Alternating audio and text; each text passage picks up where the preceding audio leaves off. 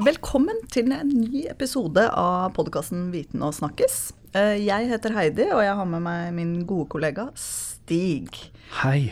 I dag skal vi faktisk snakke om fødselsangst. Og da lurer jeg jo på, Stig, har du hatt fødselsangst? Ja, faktisk. Kjempeangst. Jo, Jeg har, jeg har vært til stede på tre fødsler, og og jeg husker ennå som ganske angstfullt. Så jeg kan jo levende forestille meg hvordan eh, de som faktisk føder barna, har det.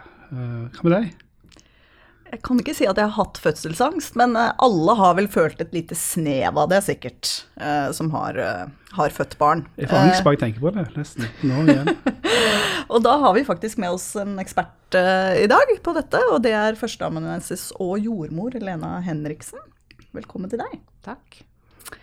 Først så tenker jeg at vi bare må få litt klarhet i hva er det egentlig som er fødselsangst? Fødselsangst er ehm, en angst for å føde. Eh, og eh, et annet ord på det er eh, tokofobi. Mm. Toko betyr rier. At du har helt fobi for rier, faktisk. Ehm, men å være redd for å føde eller ha litt blanda følelser om å føde, det er veldig vanlig. Eh, Men fødselsangst, da tenker vi på at man er så redd at eh, det får en betydning for kvinnen, kanskje hennes dagligliv, hennes livskvalitet, eller at det får en klinisk betydning. At hun kanskje ønsker et keisersnitt fordi hun vil unngå en vaginal fødsel. Kanskje hun ikke tør å bli gravid i det hele tatt. Eh, Da er det mer enn fødselsangst. Hvordan vet man at man har fødselsangst, eller må det kjennetegn på, på litt, sånn, litt sånn småstress og det å ha fødselsangst? Eh, er klart at Hvis man har en veldig alvorlig fødselsangst, så er det som en, en vanlig angstlidelse. rett og slett, At man er veldig redd, eh, kanskje ikke klarer å tenke på noe annet. Kanskje ikke klarer å se for seg egentlig en fødsel i det hele tatt. Og at eh, ja, det går utover livet ditt. da. Ja. Og hva, hva kan være grunnen til at man får fødselsangst? Man har sett i mange studier at fødselsangst er eh, assosiert med kanskje tidligere traumatiske opplevelser i livet, f.eks. vold, overgrep. eh, med alder, eh, og også litt i forhold til om man kanskje ikke har sosial støtte, eller eh, at man kanskje tenker at man ikke mestrer det, rett og slett. da. Og så henger det jo litt sammen med tidligere fødselserfaring. Så klart, så når man ser på flergangsfødende, så har det en sammenheng med f.eks. negativ fødselserfaring.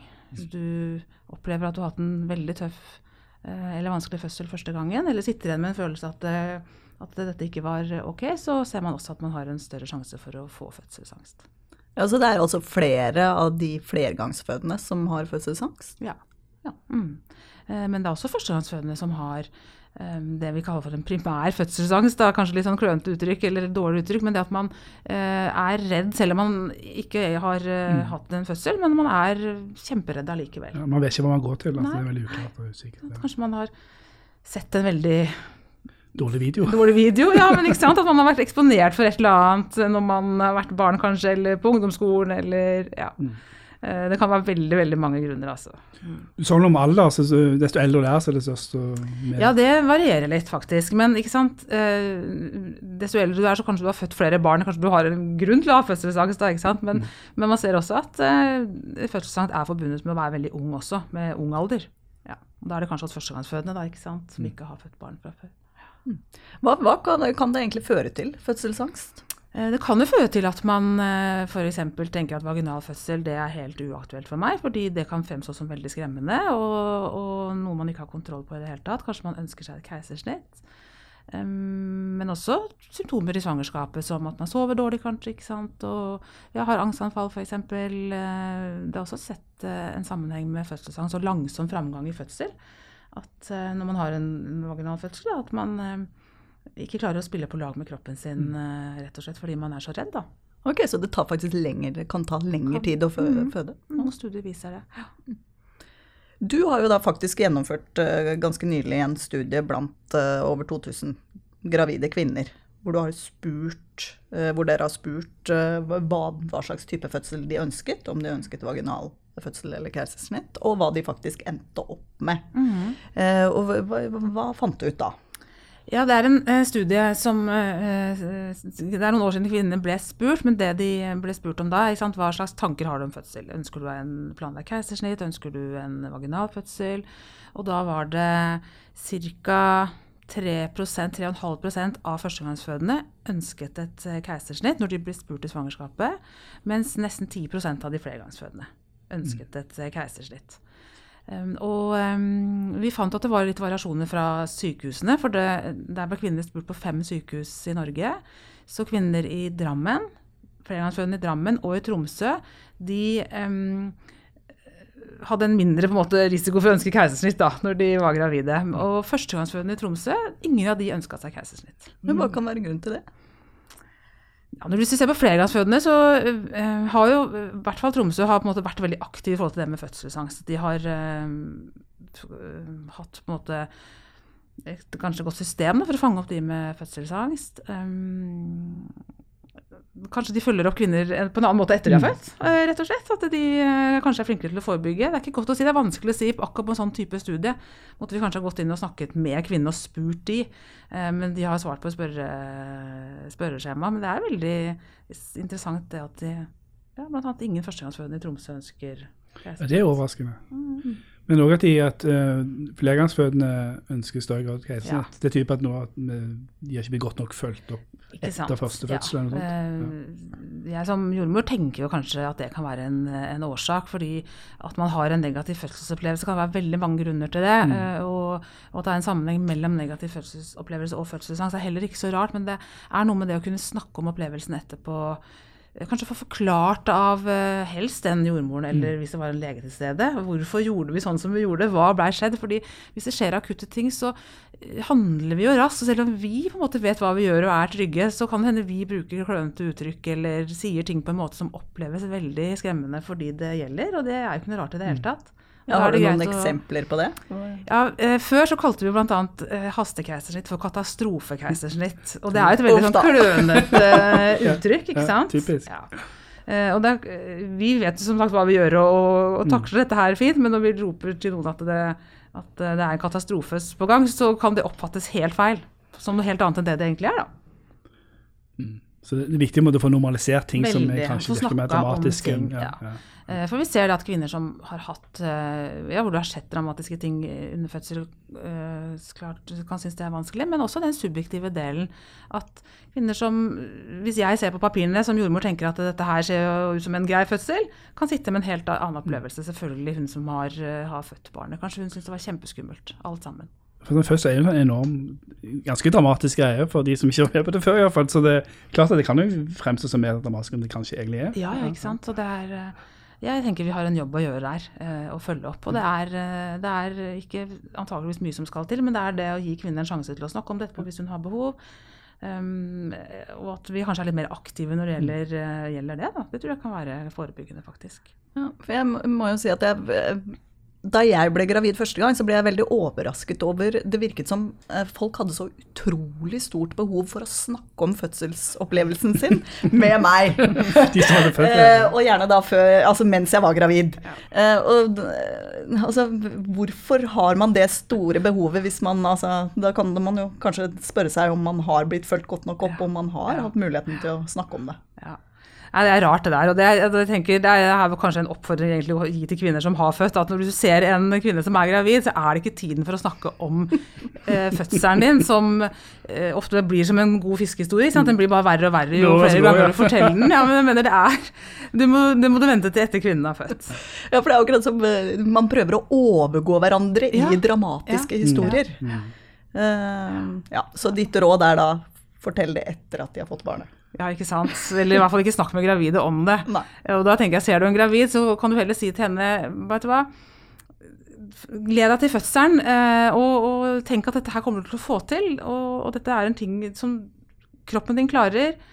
Vi har god fødselsomsorg i Norge, vi har god fødselshjelp, veldig gode utfall. Du er i gode hender, og at kvinner heller jobber med de tankene, da, eller prøver å innprente de tankene. Ikke sant? Mm. Ikke det at det er så skummelt eller vanskelig, eller, eh, mm.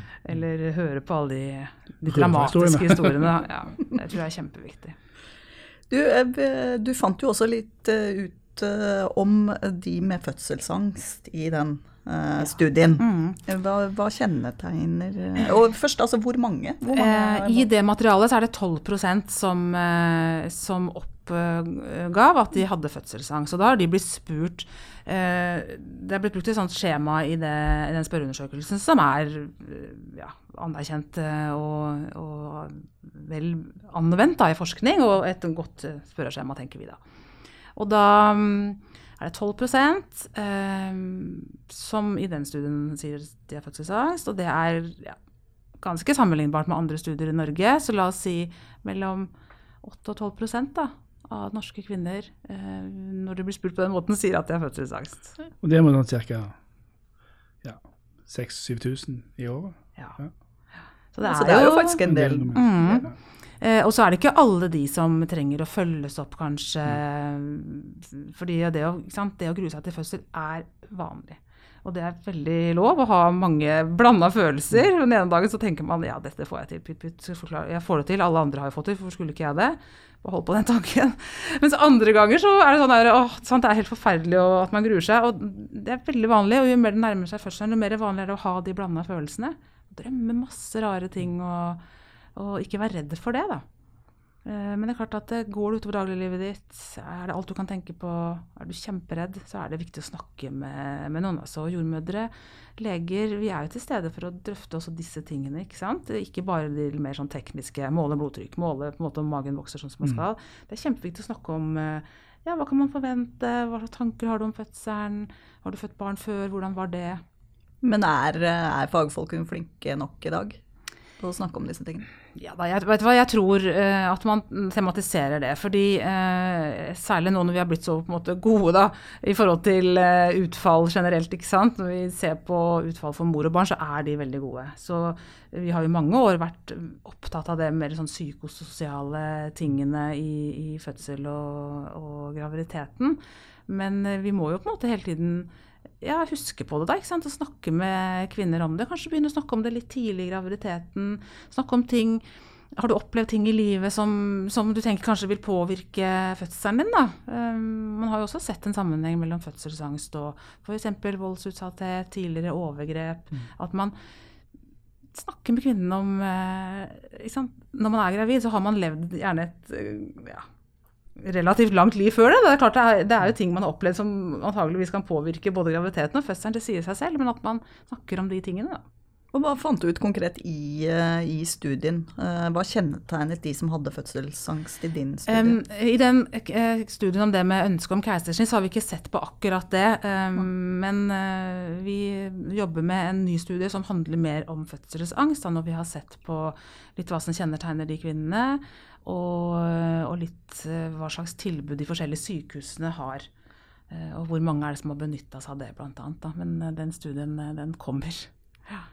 Men uh, vi ser jo at eh, kvinner som rapporterer om fødselsangst, er gjerne kanskje litt eldre. ikke sant? At de, de antageligvis har født barn før, da, hatt en negativ fødselserfaring.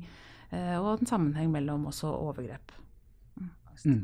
Um, men vi har jo sett litt på da, ikke sant, ønsket om keisersnitt, og hvordan føder de som ønsker keisersnitt. Eh, og da fant vi at eh, det var ja, 68% eller mellom 6 og 70 av de som ønsket keisersnitt, hadde et eh, keisersnitt. Eh, og det er klart det kan det være mange gode grunner til det. altså Det har en medisinsk grunn også, så klart. Um, I Norge så har keisersnittallene vært ganske stabile de siste årene. eh, men vi vil jo holde det, altså. Eh, vi vil ikke at det skal øke. Fordi det ser vi i andre land at det, i andre land så er det, det er mange land som har veldig høye keisersnittfrekvenser, hvor det er mer vanlig å føde med keisersnitt enn å føde vaginalt. Da. Ja, Hvilke land da, for? Brasil bl.a. Um, I USA også så har det mye høyere keisersnitt enn det vi har uh, i Norge.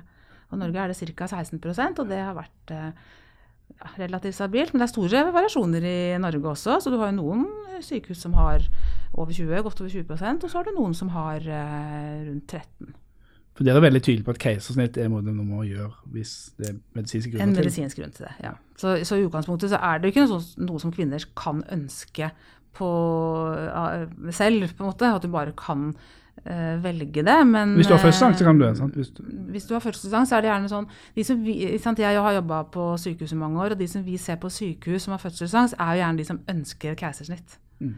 Um, og da eh, har man jo en samtale rundt det, da. ikke sant? Hva er grunnen til at du ønsker keisersnitt? Eh, hvor man skal få informasjon om keisersnitt. Eh, og til syvende og sist er det en medisinsk avgjørelse om man får et keisersnitt eller ikke. Ja. Eh, men det er klart at i noen tilfeller, hvis man har en så alvorlig fødselsangst, så kan jo keisersnitt være på en måte det beste alternativet. Men, men, vi vil jo gjerne ha en medisinsk grunn. Mm. mm. Men hva, hva, er på en måte fordelene og ulempene ved keisersnitt? Sånn medisinsk for mor og barn. Da. Ja, eh, Keisersnitt er jo en operasjon, eh, og det er en ganske stor eh, operasjon. Selv om mange får inntrykk av at det er et sånt veldig quick fix, så er det jo en operasjon, ikke sant. Og, og da har man jo litt sånn umiddelbare komplikasjoner som kan oppstå for kvinnen. er jo at det, det er en større sjanse for blødning, infeksjon. Um, også det med langtidskonsekvenser er jo at det kan gjør det litt vanskelig å bli gravid igjen. Man har jo et arr på livmoren som kan gjøre det mer uh, Neste gang kan uh, få en høyere risiko når du på en måte er i vaginal fødsel. Det handler litt mer om de langtidseffektene, som kan være vanskelig å se selvfølgelig for, for, den enkelte. Mm. Uh, men det som kanskje er det aller viktigste, er jo at det beste for barnet er en vaginal fødsel. Ja, hvorfor det? For at det stresset som du er utsatt for når du føder, er, eh, er noe du skal utsettes for. Altså det har på en måte positive effekter. Eh, du skal på en måte fødes gjennom fødselskanalen, du skal på en måte koloniseres med moren din sine bakterier. Det gjør at du selv får en, en måte, sunnere bakterieflora i tarmen, som har en sammenheng med sykdom senere i livet. Diabetes, infeksjon, astma. Så det er eh, det beste, selv om det kan være skummelt. Ikke sant? Det er jo kanskje mindre forutsigbart eh, med en vaginal fødsel. Du vet ikke når den starter, du vet ikke hvor lenge det varer. Det, handler, det er jo mer sånn usikker. Det kjenner vi ikke godt til. Stå ved siden av og se på det. Ja, altså. men det er viktig. Det med, du må på en måte tørre å gi litt slipp på kontrollen, da, og det er vanskelig selvfølgelig for mange. Tror du det er vanskeligere i dag for kvinner? Ja, ja det tror jeg absolutt. Før så hadde du ikke noe valg. Det var på en måte bare OK, du, du kunne ikke velge uansett, egentlig. Og keisersnitt er jo et utrolig hjelpemiddel, så klart, for du har jo redda veldig veldig mange kvinner og barn. Så keiser, vi, må, vi, vil jo alltid ha keisersnitt. Eh, og som et hjelpemiddel, men jeg tenker eh, som første valg, da, så burde man velge en vaginal fødsel.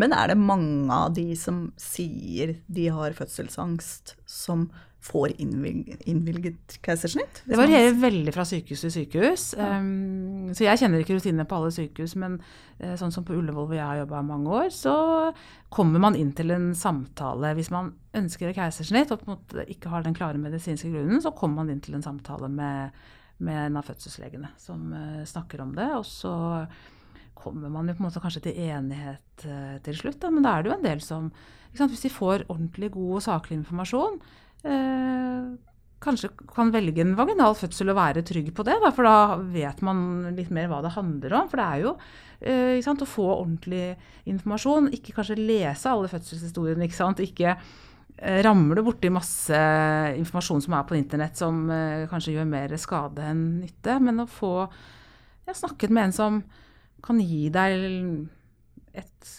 bilde av hva, som, hva du mm. kan forvente, det tror jeg er ganske viktig. Da er vi litt over på, på råd her. Altså hva, hvis man eh, merker at man er redd, redd for fødselen, eh, hva, hva, bør man gjøre da? Jeg tenker man må snakke med jordmoren sin eller, eller, fastlegen sin, eller til den man går til ute i primærhelsetjenesten. Ute i bydelen, ute i kommunen. Snakk med de der ute. fordi det er på en måte første steget, og for de aller fleste så er det tilstrekkelig. At man kan ha en god samtale, at man kanskje kan snakke om det tidlig. Det tror jeg også er viktig og bearbeide tidligere fødsler. Um, ja, få litt saklig informasjon om hva man kan forvente. Uh, og så er det sånn at Hvis du tenker at det er utrolig vanskelig og, og du trenger mer hjelp, så kan primærhelse, primærhelsetjenesten henvise deg til uh, sykehuset. For de aller fleste sykehus har et tilbud for kvinner som har eh, ekstrem fødselsangst, eller er veldig redde. da. Oh ja, hva, hva, går de, de tilbudene i? Det er sånn som jeg sa, Hvis du ønsker et keisersnitt, så er det det å snakke med, med en av fødselslegene om det. Eller, eller, så har de gjerne et tilbud hvor jordmødre har uh, samtaler Eh, både Ahus, Ullevål og mm, ja, det fant vi også i den studien, den nye studien om fødselsangst, så har sykehusene tilbud om, eh, om, samtaler til kvinner. Og da snakker man på en måte litt om angsten også, ikke sant? Eller at man ja, får, får, tid til å gå gjennom eh, tidligere fødsler. For noen kan det være sånn at de er helt Var det, var det å komme på sykehus? Kanskje, de, kanskje ikke det er fødselsangst, de har, kanskje de har sykehusskrekk. Ja. ja. ja, sånn, sånn er det hos oss. Sånn ser fødestua ut. Um, dette her kan vi hjelpe deg med. Dette her kan du få av smertelindring, f.eks. Så få mye informasjon. Og er det mulig for deg å gå på kurs, kan det være et alternativ. Men eh, det aller viktigste er å snakke med primærhelsetjenesten, tenker jeg. Ja. Men hva bør de rundt kvinnen gjøre? Altså F.eks. mann eller Ikke være så nervøs som meg, kanskje. Ut, utstråle trygghet og Ja, det er viktig.